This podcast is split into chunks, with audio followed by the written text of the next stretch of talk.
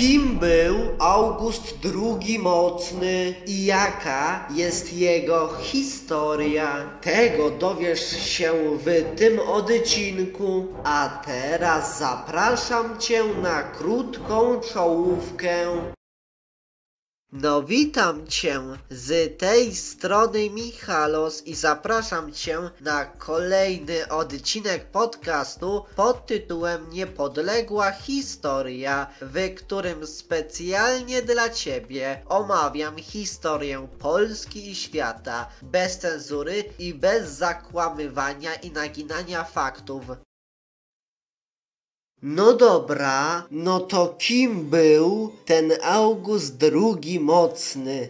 Bohater dzisiejszego odcinka, czyli August II Mocny, był elekcyjnym królem Polski i elektorem saskim. No dobra, wiemy już kim był August II Mocny, a więc teraz moim zdaniem warto by było poznać jego historię, jego biografię.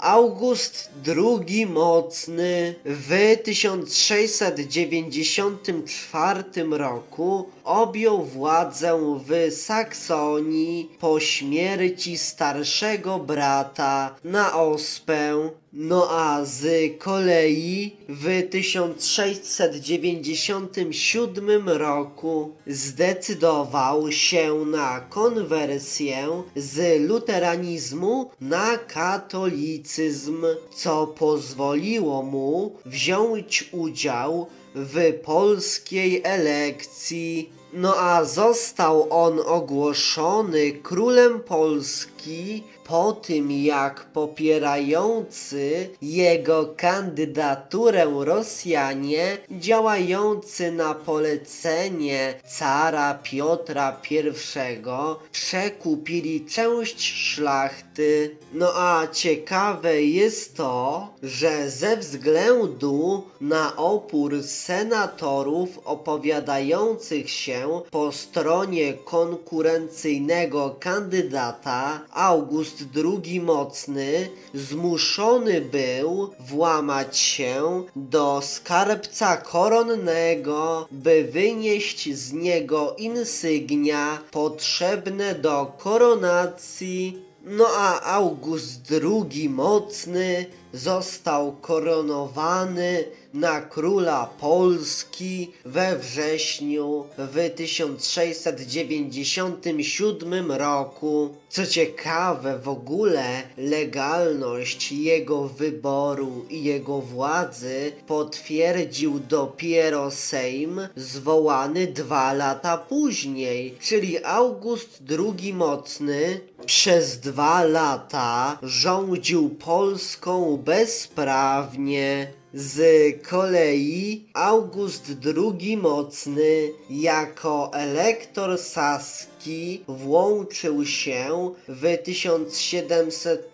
roku do Wielkiej Wojny Północnej toczonej między Szwecją a Rosją. No a wyciągnięcie do konfliktu również Polski doprowadziło do spustoszenia kraju przez szwedzki najazd i do opozycyjnej elekcji Stanisława Leszczyńskiego a wreszcie do przymusowej abdykacji Augusta II Mocnego w 1706 roku no ale niestety rządy Augusta II Mocnego nie skończyły się na dobre, no bo na tron powrócił jeszcze w roku 1709 po tym jak Szwedzi ponieśli druzgoczącą klęskę pod Połtawą. Pewnie teraz się mnie zapytacie, dlaczego niestety, czy August II Mocny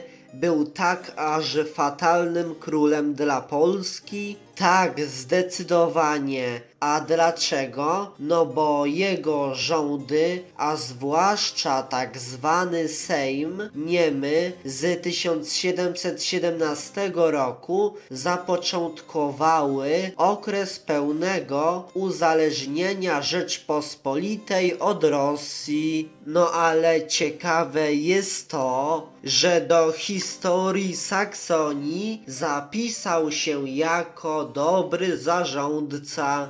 No a to pod jego naciskiem, co ciekawe, rozpoczęto produkcję słynnej porcelany miśnieńskiej. No a jeszcze ciekawsze jest to, że August II Mocny zasłynął z licznych romansów, no bo według współczesnych źródeł miał nawet ponad 360 nielegalnych potomków. No no, czyli August II Mocny był bardzo szalonym królem w kwestiach miłosnych. Niestety, ten odcinek dobiega już do końca, więc chciałbym Tobie podziękować za to, że poświęciłeś lub za to, że poświęciłaś swój cenny czas na posłuchanie tego odcinka podcastu Niepodległa Historia. A jeśli spodobał Ci się ten odcinek, to koniecznie podziel się nim z innymi, udostępniając go dalej, na przykład za pomocą Messengera, po prostu wysyłając link swoim znajomym do tego odcinka, czy po prostu za pomocą Twittera, czy po prostu za pomocą Instagrama, czy innego narzędzia, czy innej aplikacji social media. Z góry dzięki za okazaną pomoc w takiej postaci. No dobrze, ja muszę się już żegnać z Tobą, no to do usłyszenia w następnym odcinku. No to cześć, pa!